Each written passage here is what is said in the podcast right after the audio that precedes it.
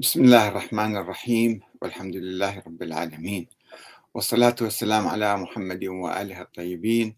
ثم السلام عليكم أيها الأخوة الكرام ورحمة الله وبركاته. الاعتداء على مقرات حزب الدعوة في العراق من قبل التيار الصدري هذا عمل ثوري أم عمل إرهابي؟ ماذا لو سيطر التيار الصدري على العراق واستلم الحكومة؟ ماذا يفعل بالمعارضة وببقية المواطنين؟ في الحقيقة انتشر فيديو مقطع من كلام لي آه، عن السيد محمد الصدر رحمة الله عليه وأتحدث فيه عن علاقته بالنظام السابق. آه، ويصفني هذا الفيديو بأنني قيادي في حزب الدعوة. في البداية أقول أنا لست قياديا في حزب الدعوة ولا عضوا حتى. ولم تكن لي علاقة به قديما ولا حديثا. وكلامي مقطع في هذا المقطع صغير ماخذين وربما ما أعرف إذا هذا كان هو مبرر اتهام حزب الدعوة بأنه هو مثلا يهاجم الصدر. أنا قلت وأقول دائما أن الشهيد السيد محمد محمد صادق الصدر رحمة الله عليه لم يكن مرجعا صداميا. ولا عميلا ولا خاطئا حتى في علاقته بالنظام. وعلاقته مسألة واضحة وثابتة وهو كان يعلنها. ليست مسألة سرية ولا آه، قبل ألف سنة حتى نشكك فيها. عشناها وشفناها وسمعناها هو يتحدث في الصحف وفي المقابلات يقول نعم أنا حتى أستلم فلوس من آه، من النظام من السلطة كما يقول. يعني من وزارة الأوقاف يمكن 3 ملايين دينار. هذا مسجل وهو كان يعترف بذلك. ولكن علاقة الصدر أنا لا أريد أن أتهمه بذلك. علاقة الصدر الصدر لم يكن لم يكن يقيم هذه العلاقة طمعا بدنيا أو خوفا من صدام أو تملقا له أو عمالة لا سمح الله. وإنما انتهازا لفرصة تاريخية سمح بها صدام لأهداف تخصه. فاستغلها الصدر. وجيرها لأهدافه النبيلة كما قال. هو قال أرادوني جسرا لهم. يعني كان في اتفاق جنتلمان بيناتهم. قال أرادوا كلمة شهيرة عنده. أرادوني جسرا لهم فجعلتهم جسرا لي. هو استفاد من عندهم. ويشهد على نواياه الطيبة الخاتمة التي ختم بها صدر حياته بالشهادة بعد تحديه لصدام ورفضه إيقاف صلاة الجمعة في العراق. فيعني لا نخلط بين الأشياء. السيد محمد الصدر استغل فرصة التسعينات انفتاح صدام والحملة آه، الإيمانية وما شابه فبدأ يتحرك وتحرك بحرية في العراق. والحرية لم يكن يوفرها صدام لأي شخص آخر. إذا فهو أعطاه مجال أن يقوم بهذا الدور لأهدافه الخاصة حتى يمنع الشيعة في العراق مثلا من التفاعل مع المجلس الأعلى أو مع إيران. وطرح السيد علنا في خطاباته قال أنا ولي أمر المسلمين في مقابل إيران يعني. فلم يكن قصدي يعني إذا واحد قال شيئا أو انتقد حتى لو انتقد واحد هذه العلاقة ما ما يكفر الإنسان يعني هو إنسان عادي مو معصوم. آه، وهو في نظري لم يخطئ وأنا لو كنت مكانه كنت أقوم بنفس العمل وقلت ذلك مرارا. لكن شيء مؤسف أن يقوم أنصار التيار بخلق 18 مقر لحزب الدعوة في عشر محافظات عراقية وأن الصدر يعتبرها أيضا حركة ثورية هذه عاطفية ثورية. آه هذا الشيء مو مقبول في في النظام الديمقراطي. إذا كان عندنا نظام ديمقراطي فيجب تكون عندنا ثقافة ديمقراطية ونحتكم للقانون نحتكم للقضاء. يعني آه، في مجالات عديدة للتفاهم للحوار. آه، مو بسرعة نحمل سلاح ونهجم صواريخ على مقر حزب الدعوة في النجف وعلى مقرات الحشد الشعبي. هذا ما يجوز الشكل بهالصورة هذه. مجرد اتهامات ظنية. واحد يطلع مثلا حسن العذاري اللي هو رئيس الكتلة الصدرية السابق في البرلمان العراقي كتب على آه، صفحته في الفيسبوك يتهم فيها حزب الدعوة بتوجيه اتهامات إساءات إلى محمد الصدر. حزب الدعوة تبرأ من ذلك ونفى ذلك. مجرد واحد بالفيسبوك ولا باليوتيوب تكلم مثلا كلام رأسا أنا أظن وأتهم آخرين أنتم تقومون بهذه الحملة وأشن حملة على هذا الحزب. الحقيقة آه، يعني شيء غريب هالعمل هذا. أنا أعتبره عمل إرهابي وليس عملا ديمقراطيا ولا إسلاميا حتى. يعني ما يجوز إحنا بهالطريقة هذه نتعامل مع إخواننا ومع أهلنا مجرد خلاف بسيط. افترض انتقد السيد محمد الصدر. ثم ماذا شو يصير يعني؟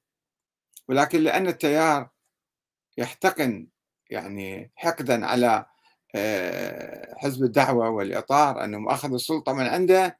فشلون يصير ذول يأخذون السلطة؟ لازم ينتقم من عندهم بأي مناسبة. والقشة التي قسمت ظهر البعير. يشتغل هاي الفرصة ويهاجمون الحزب. وبعدين شو يصير؟ لو حزب الدعوة عنده مي... عنده ميليشيا وقرر الرد على آه، التيار الصدري. تصير حرب أهلية. ونحرق الأخضر واليابس بعدين بالعراق. قال العذاري انتشرت في الآونة الأخيرة وبصورة ملفتة للنظر مقاطع ومنشورات في مواقع التواصل الاجتماعي تسيء إلى سمعة وسيرة سيدنا الشهيد محمد الصدر وتتهمه بالعلاقة بنظام البعث. حتى سيد محمد باقر الصدر كان عنده علاقة مع مع البعث ومع النظام. في السبعينات كان في آه، هدنة. ما كانت عمالة. سيد الخوي كان عنده علاقة سيد السيستاني كان عنده علاقة بس مو معناته علاقة تبعية أو علاقة مثلا خضوع أو عمالة لا سمح الله وما شابه. لا هي تختلف نسبة العلاقات. وقال هذا العذاري يبدو أن يبدو أن ذلك يتم من خلال حملة إعلامية منظمة تقودها بعض الجهات الإطارية الإطار التنسيقي كحزب الدعوة. ما يصير بالظنون يبدو وتهاجمون 18 مقر لحزب الدعوة تغلقوه وتحرقون وتقصفون و... هذه مو طريقة حضارية ولا طريقة إسلامية ولا طريقة ديمقراطية. تعايشين على أساس نظام ديمقراطي ومشاركين بهذا النظام وبالانتخابات والانتخابات القادمة هم راح يشاركون فيها. فما يجوز إحنا بهالطريقة هذه نتعامل مع الأحداث مع إخواننا. مجرد واحد كتب بال بالفيسبوك ولا باليوتيوب كلمة واحدة إحنا نستغلها نهاجم آخرين. لو كانت قد أريقت دماء في هاي العمليات ماذا كان سيحدث يعني؟ نعم بعدين يجي وزير الصدر على أساس يقول إن ما حدث بالأمس إنما هي حركة عاطفية صدرية عفوية بل هي ثورية لإيقاف التعدي على العلماء. يعني التعدي على العلماء قديم موجود حتى السيد محمد الصدر رحمة الله عليه كان ينتقد السيستاني وينتقد المراجع الآخرين ويسميهم المرجعية الصامتة هو المرجعية الناطقة. وقبل أيام الشيخ آه، آه، آه، الشيخ شو اسمه الفياض أفتى بعدم جواز تقليد الميت. رأي هذا رأي فقهي والفقهاء يختلفون. وأكثرهم يقولون بعدم جواز تقليد الميت ابتداء أو البقاء عليه حتى في كلام عندهم أنه يجوز البقاء على تقليد الميت أو يجب الانتقال إلى هو التقليد أساسا شيء حادث يعني ما كان له أساس بالدين ولا بالتشيع فتاوى. طيب واحد ده يفتي رأي فتوى عنده رأي. لازم نهاجمه ونسقطه ونحكي عليه ونتهمه. ما يصير هالشكل. العام الماضي إذا تتذكرون آه، واحد من التيار الصرخي. اللي هو زميل التيار الصدري وهم من أبناء السيد محمد محمد صادق الصدر.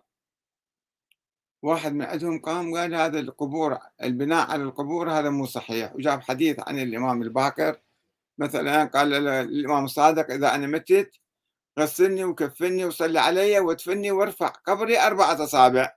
هذا الإمام الباكر يقول ذلك. حديث موجود في الكافي شنوا عليهم حملة شعواء هدموا مساجدهم حسينياتهم حرقوها ويعني بعد شوية كان صارت مجزرة. في شهر رمضان الماضي وما حد ما تكلم. وهذا كان عمل إرهابي مرة بدون محاسبة ولا عقاب لذلك يتكرر الآن. ويمكن يتكرر في المستقبل مع أي واحد يعارضهم أو يختلف معاهم بشيء أو حتى حتى لو سكت ما ليش أنت سكتت؟ فهذا يهدد بالحقيقة الوطن أمن الوطن وأمن المواطنين. ما يصير بهالطريقة إحنا نتعامل مع الآخرين بس نريد ندخل بالانتخابات خلينا ندخل بالانتخابات. وليش أنتم قاطعين يا جماعة؟ إلا إلا نقصيكم أو إحنا ننفرد بالحكم. هذا إذا إذا ما انفردت بالحكم والآن مو بالحكم تفعلون أعمال بهذه الصورة. فكيف إذا سيطرتوا واخذتوا كل شيء بيدكم بالعراق؟ المهم حزب الدعوة وفي لفتة معينة قرر أن يرد بصورة أخرى يعني فدعا آه، مجلس النواب إلى تشريع قانون يرفض المساس بمراجع الدين. الشهداء منهم والأحياء انسجاما مع الدستور. طيب هو الاعتداء على أي إنسان على أي مواطن عادي ما يجوز وحرام ويجب أن يعاقب. إنسان عادي إذا سبيته وشتمته واعتديت عليه واتهمته بالباطل. هذا عمل ما يجوز عمل مو صحيح. سواء كان عالم ولا مو عالم معمم ولا مو معمم. مرجع ولا مو مرجع. لكن هكذا قانون عجيب غريب. يعني ماذا يهدفون من وراء؟ وراء طبعا التيار الصدري رحب. يلا خلي سووا قانون. إذا أنتم صادقين تعالوا سووا قانون بمجلس النواب. يعني شنو آه، هم يعتبرون أي أي نقد أي تقييم أي مناقشة يعتبروها إساءة.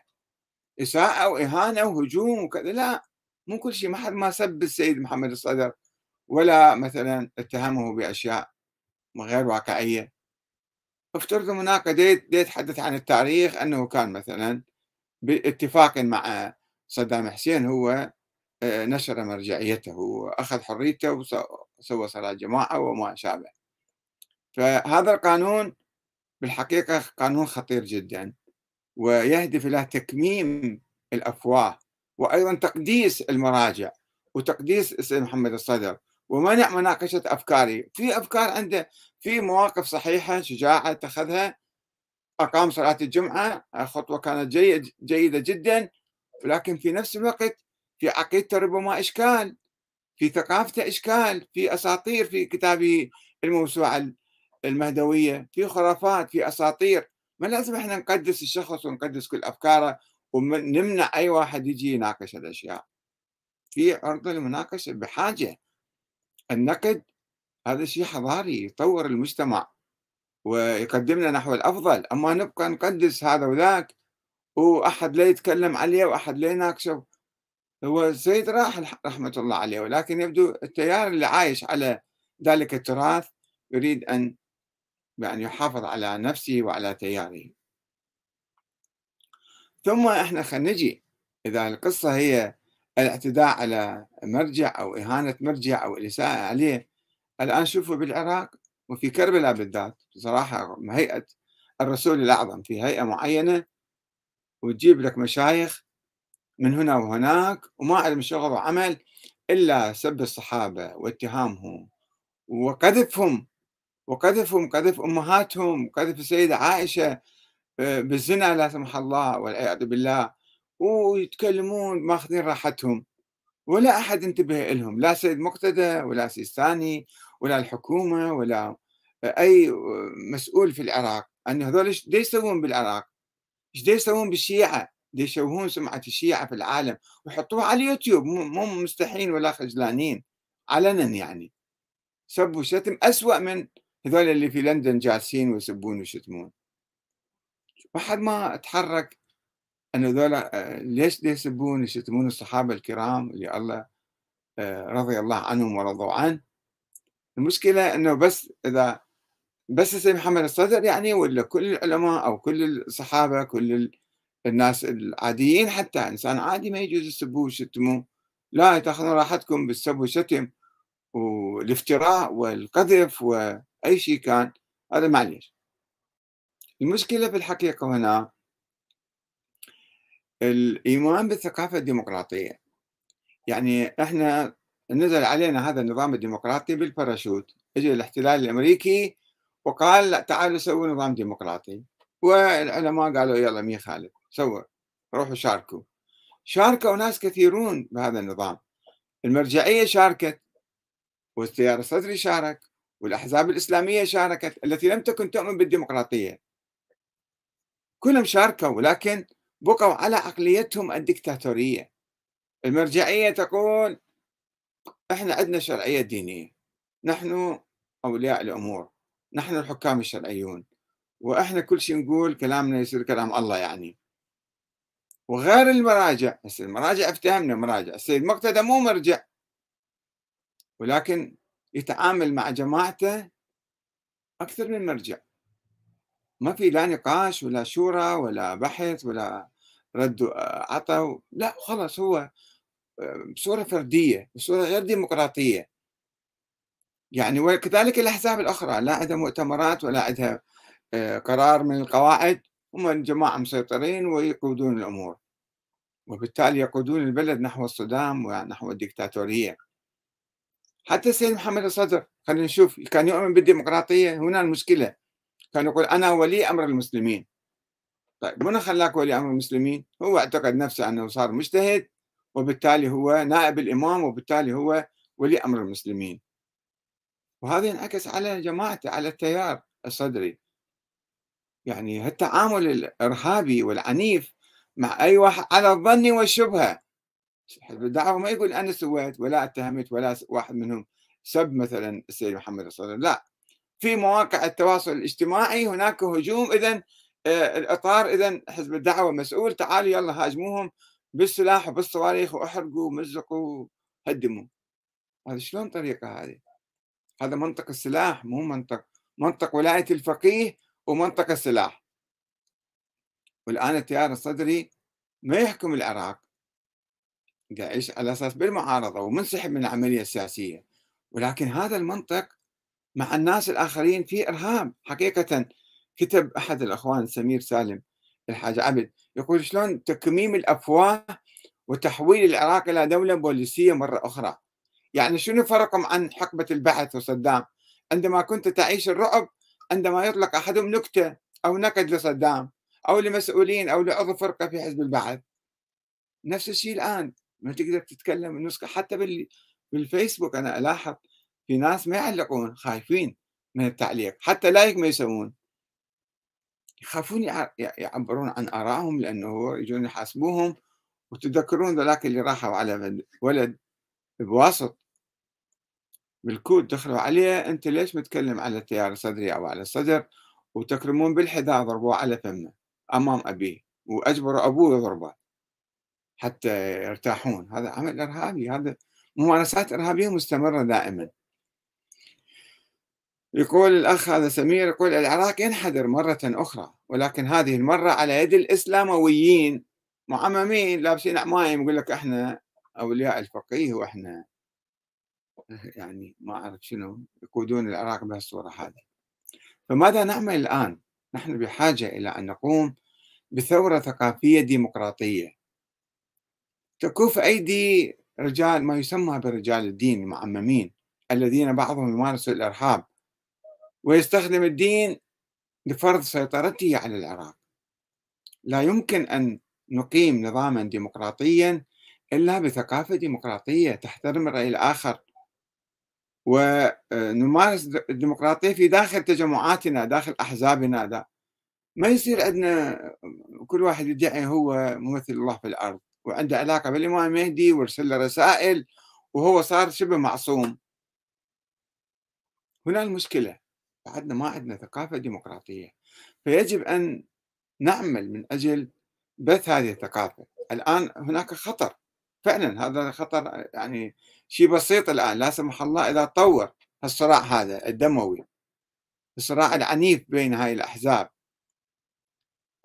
اللا ديمقراطية أحزاب لا ديمقراطية تتصارع فيما بينها وبالتالي آه، يعني تجر البلد إلى تدمير. إحنا الآن نقف على حافة ترى بالعراق الآن بفلوس النفط عايشين. خلي شوية نفط ينزل أو العملة تسقط مالتنا شوية تنزل. شوفوا شو يصير بالبلد. واحد يقوم يأكل الثاني. فخلي نفكر ببناء البلد بتقوية الصناعة بتقوية الزراعة بتقوية العلم الجامعات المحطمة المدمرة المدارس حتى الثانوية مالتنا ما فيها علم الجامعات ما فيها علم حوزة ما فيها علم وإحنا نسوق البلد ونجره إلى آه، معارك آه، عنيفة سياسية وأمنية في المستقبل. السيد مقتدى الصدر دائما يقول الميليشيات الوكحة طيب هذول اللي قاموا بالهجوم على مقرات حزب حزب الدعوة شنو ذولا؟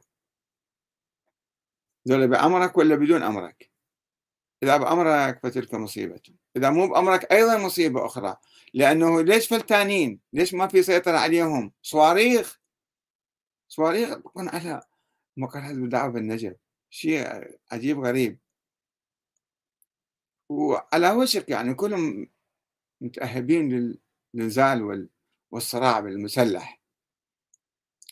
فأي واحد حتى لو ما كان لا بحزب الدعوة ولا بالتيار الصدري عليه أن ينشر هذه الثقافة ويدعو الآخرين إلى الالتزام بالقانون الالتزام بالثقافة الديمقراطية باحترام الآخرين.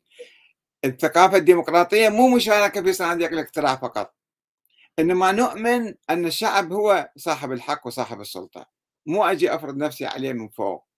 باعتباري أنا مرجع أو باعتباري أنا ابن مرجع أو باعتباري أنا حزب إسلامي فلازم أفرض سيطرتي على الناس. ما لي حق. يجب أن أحترم الآخرين. وهذه الأحزاب هذه الميليشيات وهذه الجماعة يجب أن تحل نفسها. الشعب يجب أن يقول كلمته ويؤسس ويكرس الحل الديمقراطي والثقافة الديمقراطية. يغير عقول هؤلاء الناس اللي يحتكمون إلى السلاح فقط. منطقهم منطق القوة والعنف والسلاح والعنف المغلف بالدين. إحنا ندافع عن محمد الصدر. محمد الصدر ما يحتاج أحد يدافع عنه. هاي مشكلتنا اليوم حقيقة. والسلام عليكم ورحمة الله وبركاته.